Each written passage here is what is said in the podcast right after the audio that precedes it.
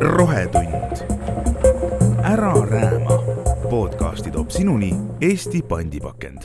tere, täna räägime rohelistest energiatest, õigemini siis rohelisest energiast ja energiatehnoloogiatest. see teema on äh, mõistetavalt väga aktuaalne ja veel aktuaalsem on ta sellepärast, et äh, nüüd saab ka seda Eestis äh, õppida, saada targaks selles valdkonnas, mis on maailmas ilmselt üks kõige kiiremini tõusev valdkond, et täna räägime TalTechi inseneriteaduskonna magistrikavast rohelised energiatehnoloogiad ja mul on külas programmijuht professor Maarja Krossberg-Kuusk.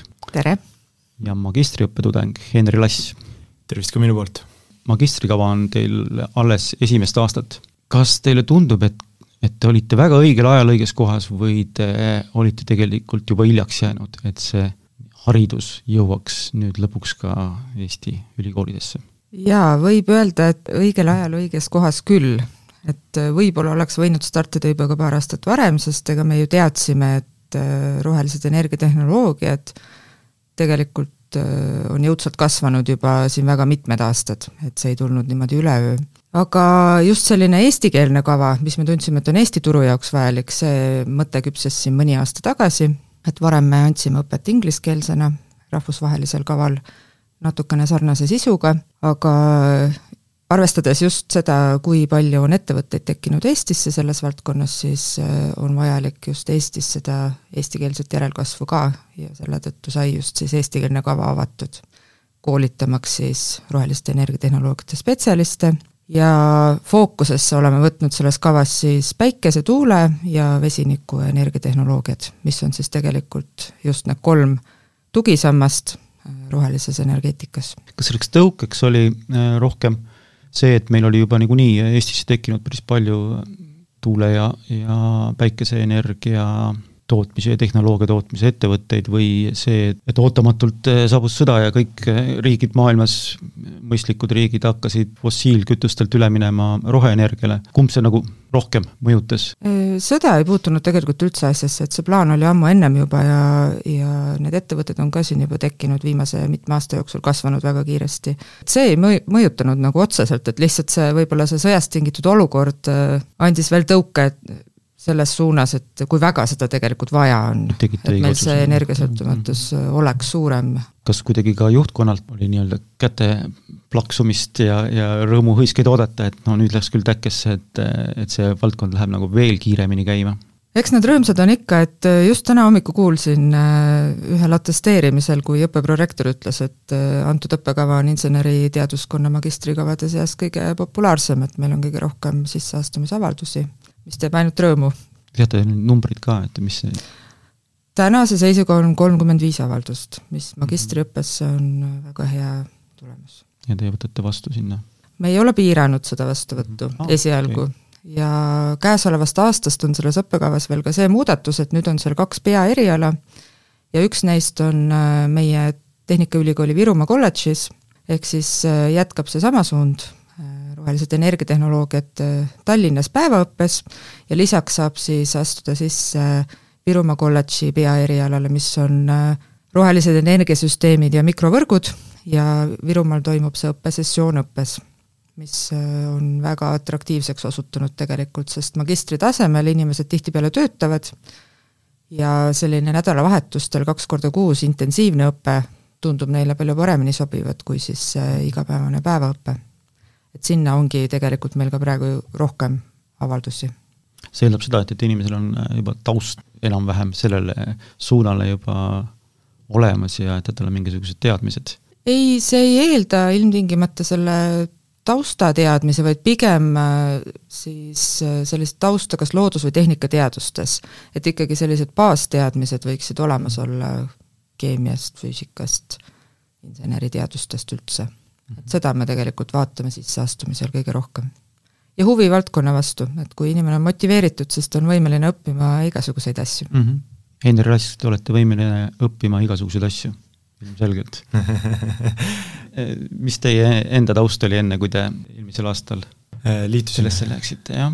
Äh, jah, et äh, mina tegelikult alustasin oma TTÜ õpinguid juba aastal kaks tuhat kaheksateist, kui ma õigesti mäletan, ja ma läksin tol ajal bakalaureuse erialasse nimega tootearendus robootika see oli samuti tegelikult äh, tol ajal nii-öelda uus ja nii-öelda innovatiivne eriala, sest et see oli just äh, ka tulnud välja ja ka, ka väga kiirelt, kiiresti arenev valdkond ju tegelikult.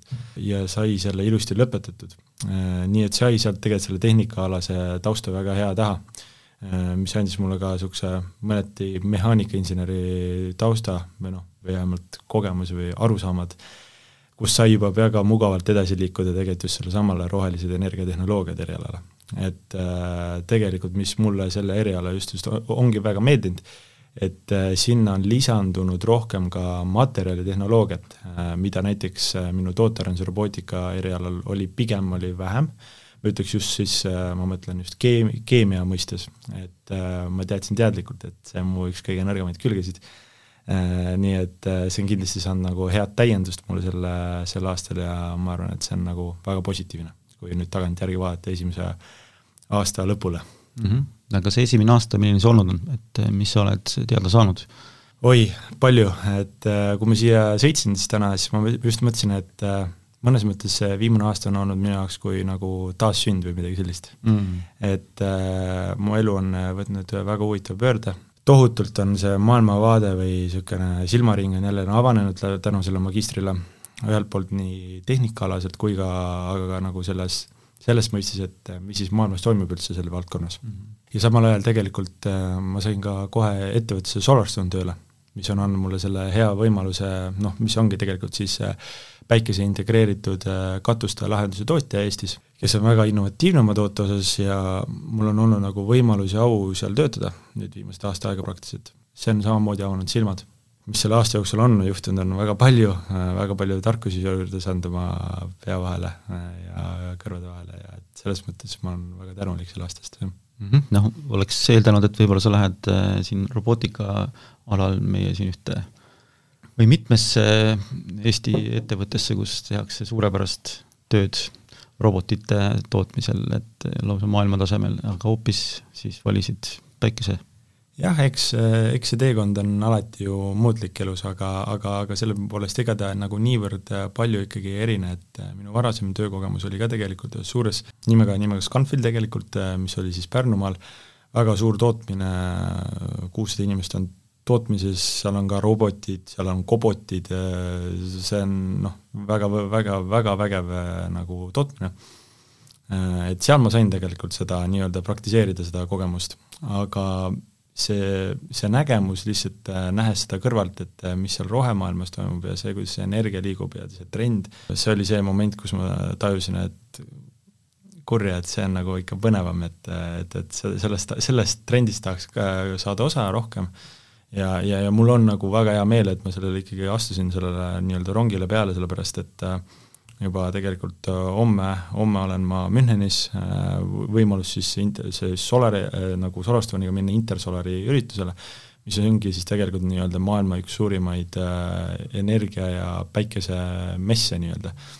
ma arvan, et, et, et mingil hetkel ajas tagasi mul ei oleks võib-olla neid võimalusi olnud, aga ma arvan, just tänu sellele erialale, sellele töökohale, see on andnud mulle selle võimaluse ja ma olen nagu äh, silmad põlevad peas ja, ja, ja teen huviga seda värki kõike kaasa, noh. no Maarja Krossberg ainult muheleb sind ah, hästi räägib ja ma pean tegelikult ütlema, et äh, kogu see esimene kursus on no nii vahva seltskond, et äh, nad on kõik nii suured asjaarmastajad tegelikult ja ja nad on ka grupina nii toredad, et äh, tihtipeale me näeme, et need töötavad inimesed nagu ei käi nii palju läbi omavahel, aga nemad teevad kursuse üritusi ja ja seda suhtlust on nagu hästi palju ja hästi avatud kujul, et see on nagu minu jaoks olnud hästi tore. jälle, jälle kui sõitsin siia, siis ma mõtlesin ka meie kursuse peale just ja mõtlesin ka, et mi-, mis meie selle kursuse nagu eriliseks teeb, ongi ma arvan just see varieeruvus erinevates vanusastmetes, ma ütlen. Et äh, kui bakalaureuse mul oli ikkagi võrdlemisi üks noh, samas vanusegrupis niisugused kahekümneaastased noormehed, siis äh, nüüd meil on äh, noormehed? Ainult? bakalaureuse oli tõesti ainult noormehed. Äh, kui nüüd äh, magistrisse, siis äh, meil oli tegelikult neljakümne-viiekümne aastased mehed, naised, no muidugi nooremad ka, ja siis on nüüd see noorem seltskond ja vaata, see annabki tegelikult sellele kursusele, ma arvan, selle nii-öelda vürtsi juurde, et äh, kus tegelikult äh, nemad tulevad oma elukogemuse, töökogemusega nii-öelda kooli, nad oskavad tegelikult noh, heas mõttes vaielda nii-öelda õppejõududega ja arutleda neid mm -hmm. ja, tõmmata seda intriigi selle klassis üles, mis annab tegelikult ka väga head mõtteained nagu noorematele.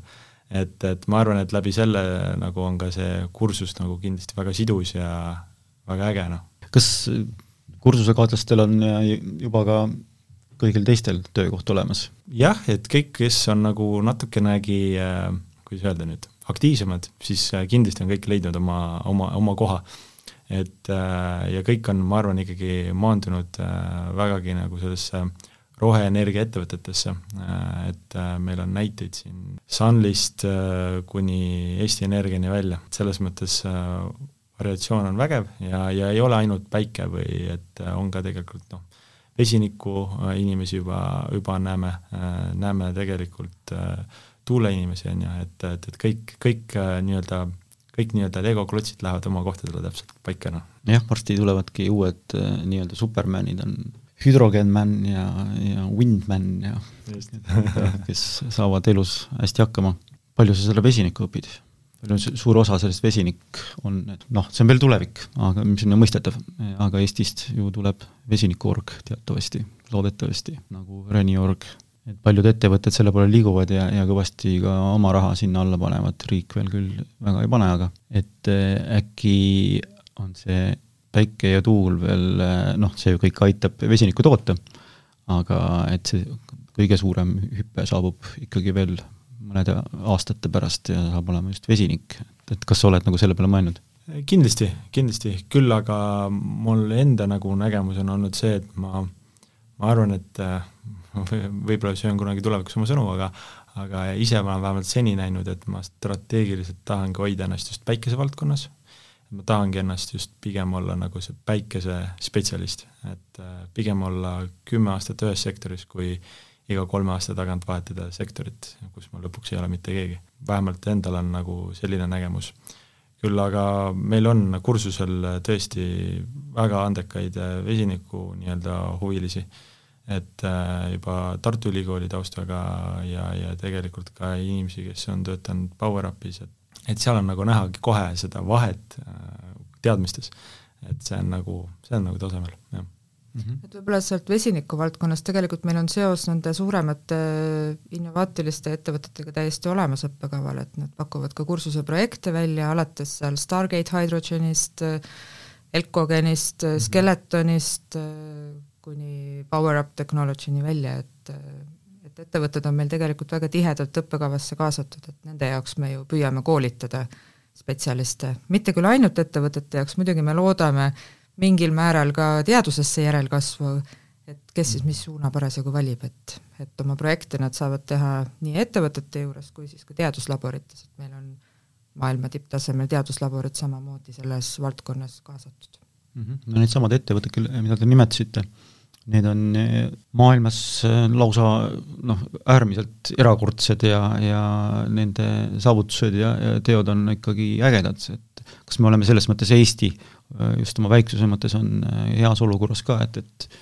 et meil on nad olemas ja nüüd on teil äh, selline magistrikava ja, ja sisuliselt kõik teie tudengid saavad minna praktikale, saavad konkreetseid ülesandeid ja tegevusi nendes samades maailmatasemel ettevõtetes, et on see nagu meie pluss, et me oleme nii väike ja meil on need kõik asjad koos. kindlasti see on üks pluss, see on alati pluss ja miinus see, et me väiksed mm -hmm. oleme, eks ju aga Eestis võib-olla jah, see, et me tunneme kõik kõiki ja kontakt on väga otsene alati. tuleb vahel ette ka, et äh, mõni ettevõtte juht helistab teile isiklikult ja ütleb, et mul oleks vaja sellist meest ja naist.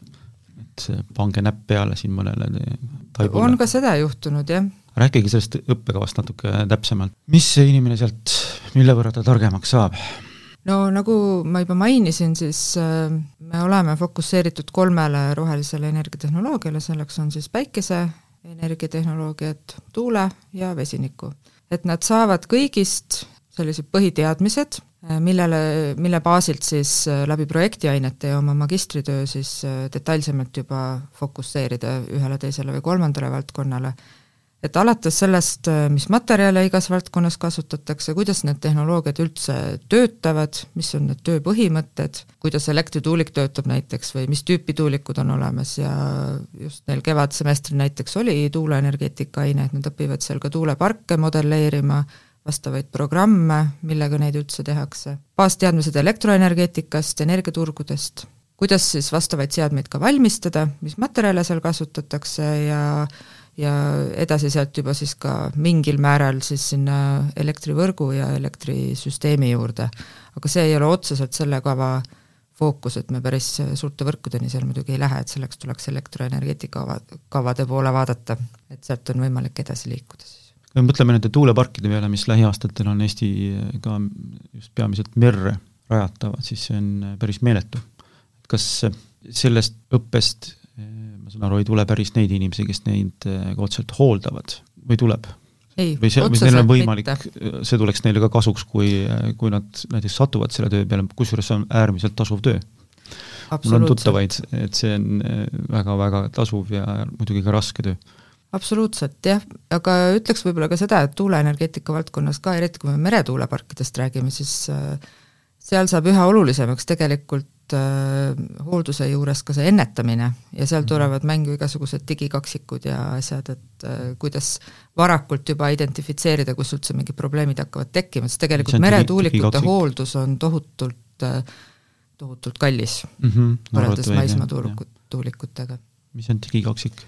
digikaksikute puhul me räägime siis sellest, kus on äh, simuleeritud kogu süsteem sisuliselt digitaalsel kujul, mis siis seda päris süsteemi nagu modelleerib või simuleerib, et on võimalik selle süsteemi abil siis äh, tuvastada erinevaid vigasid Lühid, äh, lühidalt öeldes. jah, just meenus üks, enne siia tulekut meenus üks lugu, mida ma tõlkisin siin mõned kuud tagasi, et Taani ettevõte Vestas on teinud selle, on leidnud tehnoloogia, kuidas neid labasid taaskasutada, ehk siis seda epoksiidi segu, millest on labad tehtud. kas on ka teil kuidagi õppekavas olemas, et Te mõtlete seda taaskasutuse osa? jah, et eh, noh, tuulikute puhul on see üks suuremaid probleeme, mida alati skeptikud ette heidavad, et kõik see ju maetakse lõpuks maha ja ja kõik see reostus, mis sellest tekib sajanditeks ja väidetavalt nüüd siis on taanlased leidnud mooduse, kuidas seda uuesti kasutusele võtta, sellesama materjali. kas see on ka teie vaates kuidagi olemas, et mis saab asjadest pärast? Jaa, see nii-öelda ringmajanduse teema on meil õppekavas sees, mitte liiga põhjalikult veel, ma ütleksin, et seal on meil veel arenguruumi ja nüüd just selle teise peaeriala avamisega Kohtla-Järvel, Virumaa kolledžis, et seal äh, tuleb üks selline põhjalikum äh, materjalide ümbertöötlemise aine veel sisse. et kuna see valdkond nagu areneb ka päris palju, et äh, igas nii päikese, tuule kui vesinikutehnoloogiate juures on tegelikult see üks võtmeküsimusi, kuidas neid materjale, mis seal seadistes on kasutatud, saaks taaskasutada, sest noh, ressurss on meil nii või naa piiratud, eks ju, metallid, äh, haruldased metallid, mida kasutatakse erinevates äh, seadistes, aga neid olemasolevaid tehnoloogiaid ümbertöötlemiseks, eriti uute tehnoloogiate puhul veel ei ole et mm -hmm. need on kõik veel arendusjärgus ja ma usun, et ka sinna õppekavasse tekib nagu järjest rohkem ja rohkem seda poolt. me käsitleme seda elutsükli analüüsi küllaltki üldiselt, aga meil on võimalik sinna võtta ka ülikooli seest veel lisaõppeaineid, kes just sellele suunale soovib ennast orienteeruda.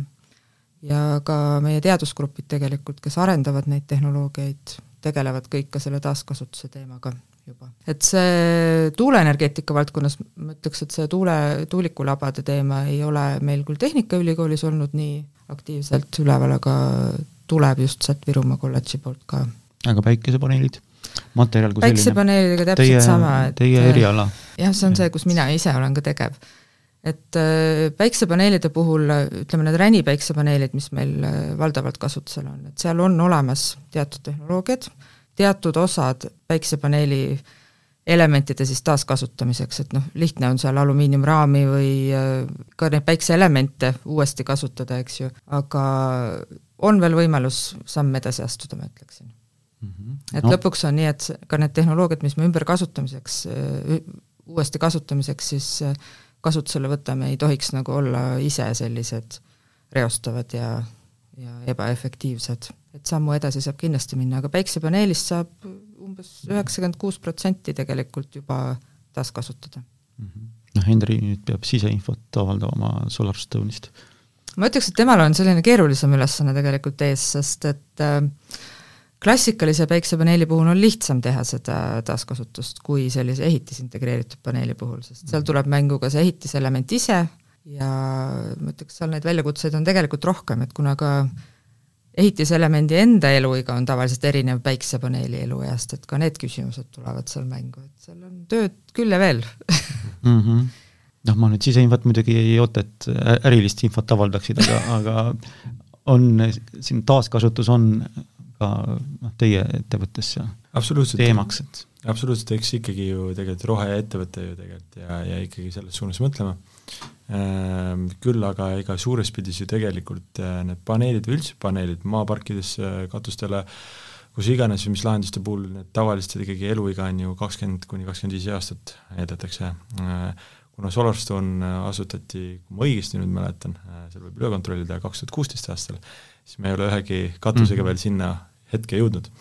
Äh, mis tähendab, et, et, et jah, aga, aga kindlasti see on teema, et äh, see kindlasti tuleb teemaks ja, ja, ja üha rohkem, et äh, kindlasti kahekümne aasta pärast on tohutu tulv paneelidest mm -hmm.. noh, just seesama ettevõte noh, näitab, kui palju erineval moel saab kasutada päikesepaneele, et, et kui, kui õhukeseks võib seda teha või, või kui ma ei tea, painduvaks või vastupidavaks ilmastikutingimustele. mis me lähiajal nägema hakkame selles valdkonnas? päikseenergeetika valdkonnas. jaa, et, et just materjali osas, et kui palju me näeme seda, et päikesepaneel, materjal on kuskile pandud, mida, me üldse ei oota, et, et, et see on seal ja see on, ta on lihtsalt materjali osa. mulle tundub, et ma ei ole õige, õige inimene sellele küsimusele vastama, sest mm mind ei üllata võib-olla nii palju, kui tavainimest üllatab, et päiksepargid on vee peal juba, et neid saab kuu peale mm -hmm. viia, et ma ei tea, integreerida millega iganes põhimõtteliselt. et ma ise näeksin, et mis oleks hästi tore, et jõuaksid turule sellised efektiivsed tehnoloogiad, mis võimaldaks elektrit tootvaid aknaid teha, et need on näiteks Eestis arenduses ka, eriti just suurlinnade võtmes, et kui seal on ikkagi väga palju sellist klaaspinda, eks ole, büroohoonetel, siis selle võiks kõik ära kasutada see on üldse veider, et seda ei ole juba olemas. selliseid häid äh, lahendusi veel ma ütleks ei ole, on mõningad lahendused, mitte võib-olla kõige pikaealisemad ja kõige paremad, et see oleks üks, mida ma ise ootaksin ja ma ootaksin ka, et äh, tandem päikseelementidega toimuks mingisugune läbimurre, sest äh, see on samm efektiivsemate päiksepaneelide poole, et mis see täpsemalt tähendab?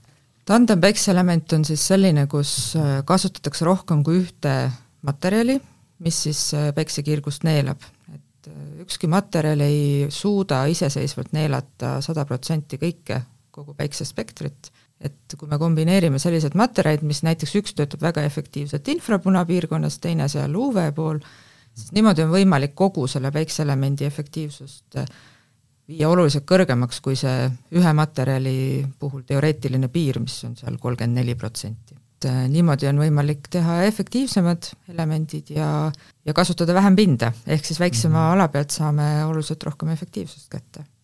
aga need äh, tehnoloogiad on veel veidi nagu kallid, et nad suuda konkureerida otseselt, et nad, nad on kasutusel kosmosetehnoloogiates, kus on see lihtsalt nii kriitiline ja raha väga palju ei loe. et seal on äh, väikselt alalt vaja lihtsalt rohkem energiat ja ei ole oluline, kui, kui kallis see element on, aga igapäevakasutusse on ikkagi vajalik, et hinnad ka oleksid odavamad. noh, kosmosest on tulnud meile palju asju, enne seal ja siis mujal, ma ei pidanud silmas kosmosemarmelaadi küll otseselt, aga kunagi oli ka see paneelide vastupidavus, sellest veel rääkisid, rääkides, kui väga pika perioodi jooksul on kõrge temperatuur ja noh, päikese otsene paiste, kas see kuidagi vähendab ka paneelide tootlikkust? jah, pigem ta ikkagi väheneb, et päiksepaneel töötab paremini tegelikult päikesega, aga jahedas, mida kõrgemale minna, siis see on juba materjali omaduste tõttu, tema keelutsoon muutub, mis on võib-olla natuke keeruline seletada. Nüüd siin väga lühidalt, mis see tähendab, aga sisuliselt tähendab see seda, et see pinge, mida ta suudab, see materjal siis võimaldab päikseelemendis, hakkab tegelikult vähenema. ja eks kuumutamisega muidugi sõltub nüüd, mis temperatuuridest me räägime, et lõpuks kannatab ka see kaitsekiht, mis on selline mm -hmm. plastikkiht sisuliselt või polümeerikiht, võivad kannatada kontaktid, kõige ideaalsem oleks selline jahedam äh, kliima, selline Eesti tavaline kevad ja hästi päikseline, päikseline., mm -hmm. siis nad töötavad väga hästi. ja ma mainin lisaks, et tegelikult nendel tavalistel paneelidel, mida noh, müüakse, et seal on tavaliselt ka andmelehtedel on alati peal nii-öelda lineaarne võimsuse kadu mingi aja üle ehk mhm. siis seda võib ka kindlasti vaadata, et tavaliselt minu meelest, kui ma õigesti mäletan, siis vist oli keskmiselt niimoodi, et vist kahekümne aasta pärast on äkki kaheksakümmend protsenti sellest nii-öelda paneeli maksimaalsest võimsusest veel alles mm. -hmm. et, et see on ka kindlasti hea indikaator, mida näha, vaadata. Eesti kliimas, ega meil siin äh, midagi soovitada ei olegi, kui on katuse peal paneel, siis katus on katus. Et võib-olla kui, kas katus, kui on heledam katus, siis on parem. paneeli tagune katus ka ei muutuks tulikuumaks. See on noh, loogiliselt mõeldes. Tast on võib-olla kasu siis sellisel juhul, kui kasutada neid kahepoolseid päiksepaneele, et mida rohkem sealt peegeldab, siis äh, on olemas sellised päiksepaneelid, mis töötavad mõlemalt poolt. Mm. -hmm peegelduvat pinda siis nagu ära kasutada rohkem. aga katuse poolt ma saan küll lisada, et, et, et, et Henri on juba spetsialist. et, et, et, et äh, mida ikkagi nii-öelda Äh, rohkem on õhu liikumist nii-öelda siis äh, katuse või paneeli vahel, et see kindlasti annab seda efektiivsust juurde. ma kõiki ei mainiks, aga, aga põhimõtteliselt võib, saab öelda jah, et mida rohkem on õhu liikumist, et ja võib, ja mina isegi usuks tegelikult täitsa seda teooriat, et kui võib-olla on heledam see katuse taust näiteks, kui mitte no ta ei neela ju siis päikest või energiat, et, et, et, et ta võiks nagu versus musta katusega nagu seda efekti juurde anda, palju see protsendi vahe seal on, vot seda ei oska nüüd niimoodi öelda, et aga, aga oleks huvitav statistiline uuring, ma ütleks. jah, ja oleks huvitav teada, millisesse linna äh, planeerijad, linnaarhitektid lubavad valgeid katuseid ma arvan, keeruline, et, et keegi lubaks sellist asja, aga mine tea.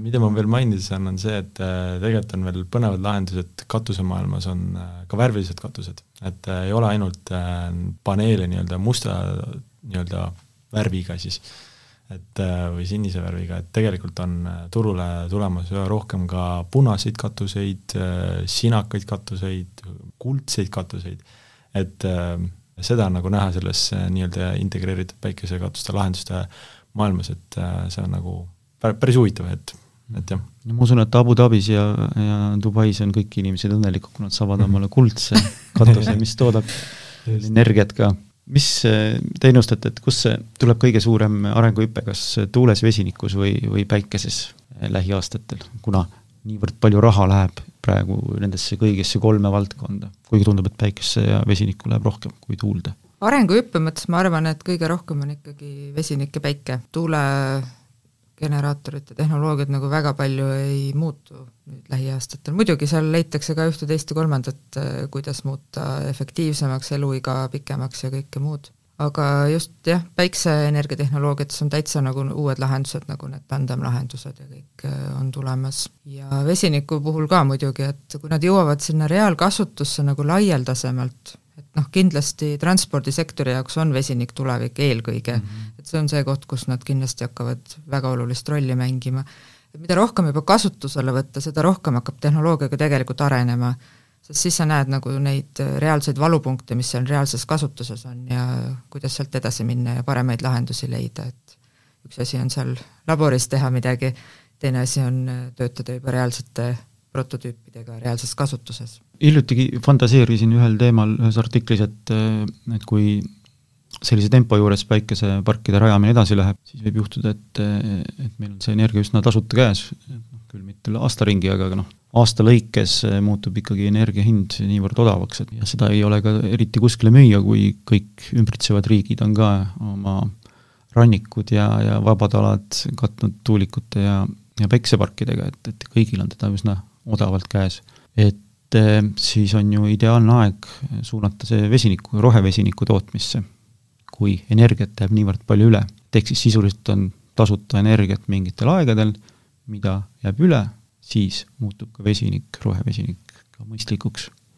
no kuna võib-olla jah, kui eh, võtta nüüd võrgu seisukohalt, siis elektrivõrgul ei ole see küll mitte kuidagi hea, et eh, on tohutult üledimensioneeritud päikse- või tuulepargid ja ja nad ju on noh, töös kõik ühel samal ajal reeglina mm, -hmm. tulebki välja lülitada. see on võrgule tegelikult tohutult halb mm. -hmm. et äh, ka eramaja omanikele pigem soovitatakse ikkagi planeerida see tootmine vastavalt enda vajadusele, mitte üledimensioneerida, et see müügi aspekt on võib-olla siin mingitel aastatel olnud, on lihtsalt nagu promomiseks olnud, ma ütleksin, aga reaalses elus ei tasu nagu üledimensioneerida ja pigem võiks jah, mingisuguste salvestuslahenduste peale veel mõelda, mis on ka üha populaarsemad, et äh, mitte sellele, et võrku müüa, tagada endale ka sellel ajal, kui sul ei ole seda taastuvelektrit, see salvestus ja akuparke tuleb ka järjest ja järjest juurde mm -hmm. ja käesoleval aastal juba siin Eesti Energia ja veel mõned äh, rajavad juba ka oma taastuvelektri, näiteks päikseparkide kõrvale juba üle megavatised akupargid. see on ka kindlasti niisugune märgiline samm, mis nüüd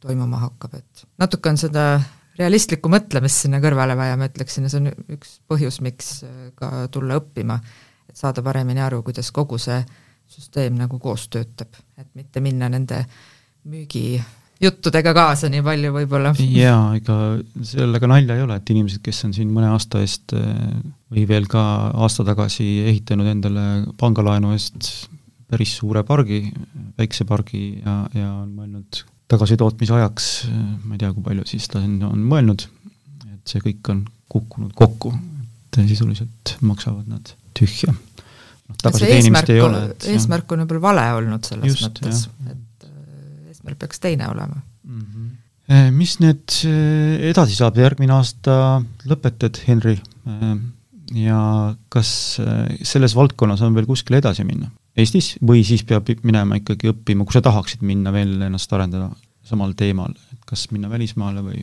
see on, see on hea küsimus, sellepärast et või hakkad rikkaks Äh, see, ma tulen tagasi, et see on hea küsimus, sellepärast et äh, kui me podcast'i alustasime, siis me, oli minu meelest küsimus, et kas oli õige aeg selle erialaga nii-öelda alustada töötus või mitte. Ja nüüd te jõudsite selle välismaa punktini, mis tegelikult tõi mind selle vastuseni, et tegelikult äh, mul oli tegelikult tõesti plaan äh, minna õppima sarnast eriala välismaale, Saksamaale, ehk siis äh, oli vägagi õige aeg, et äh, Maarja selle eriala tegi ja jättis selle spetsialisti Eestisse, nii et see toob ka mind nüüd sellele küsimuse vastusele, et tegelikult eelkõige ma näen nagu, et võiks tegelikult panustada nii-öelda tagasi Eestile, sest et Eestil on niikuinii spetsialistidest puudus, et tahaks nagu ühelt poolt panustada, seal kindlasti ma nagu näen, et võiks olla ka palju panustamist ka nagu erinevatel tasanditel ja õiges suunas, ma arvan, nii-öelda spetsialistide poolt, riigi poolt ja üldse inimeste poolt, et, et see kõik asi suunaks, läheks õiges suunas. aga, aga jah, et ma arvan, et järgmine aasta lõpetan ülikooli ära, äh, siis äh, on suur tee ees, et äh, ma arvan, et potentsiaal on võimas et ma ootan huviga järgmist oma kahte päeva, mis on, nagu ma mainisin, Intersolari mess, seal on kõik maailma tootjad praktiliselt koos ja see näitab tegelikult seda maailma mastaapi, mis tegelikult selles maailmas on ja ja see on kindlasti väga võimas. Ole ettevaatlik, nad otsivad ka seal kõik omale töötajaid see on tõde, see on tõsi, see on tõsi. õigemini sinu tööandja peab ettevaatlik olema et äh, kindlasti see on, see on õige, sellepärast et äh, ma ütlen küll, et kui täna keegi äh, kuulab noor inimene või inimene üldse, kes soovib seda eriala õppima tulla ja on vaja nagu tööd leida, siis kindlasti selles valdkonnas äh, leiab, et äh, oli huvitav moment, kus äh, ma LinkedInis muutsin ära enda staatuse justkui tudengist Tallinna Tehnikaülikoolis, panin, et olen hoopis tootejuht Solarstone'is, muutus minu LinkedIni inbox üleöö mm, -hmm. kust hakkas Hiinast ja igalt poolt teistest kohtadest tulema igasuguseid pakkumisi. sellega pead veel ettevaatlikum olema õige, õige. nii et äh, ei, on väga tavaline, et äh, nädalas vähemalt kord tuleb mingisugune pakkumine. et, et, et nii Eestis kui ka välismaalt, et äh, kindlasti kellel on, kellel on seda hingejõudu minna selle maailmaga kaasa, siis ma kindlasti soovitan, väga palju võimalusi on ees see on kohe lausa eraldi teema või sellest võiks nüüd edasi rääkida mm. -hmm. toote spionaaž mm, -hmm. kuidas Hiinast püütakse äh, meie ja kõigi teise, teiste riikide nutikaid päid ära tõmmata. Võib-olla mainiks siia juurde, et tegelikult seal õppekaval nad saavad ka teadmised tehnoloogia ettevõtlusest, mis on neil siin sügissemestril mhm. tulemas mm. -hmm. et seal ka on see absoluutselt teema tegelikult tegelikult, et kuidas oma tehnoloogilist teadmist kaitsta ka ja kuidas üldse selles maailmas toimetada. rääkisime täna TalTechi magistrikavast Rohelised energiatehnoloogiad ja külas oli programmijuht professor Maarja Krossberg ja Henri Lass, kes oli esimest aastat selles magistriõppes ja kellest siis saab miljonär või lihtsalt tark inimene. tuult tiibadesse ja ma ei tea, päikest paneelidesse või kõike head! päikest ja tuult! rohetund. ära rääma. podcasti toob sinuni Eesti pandipakend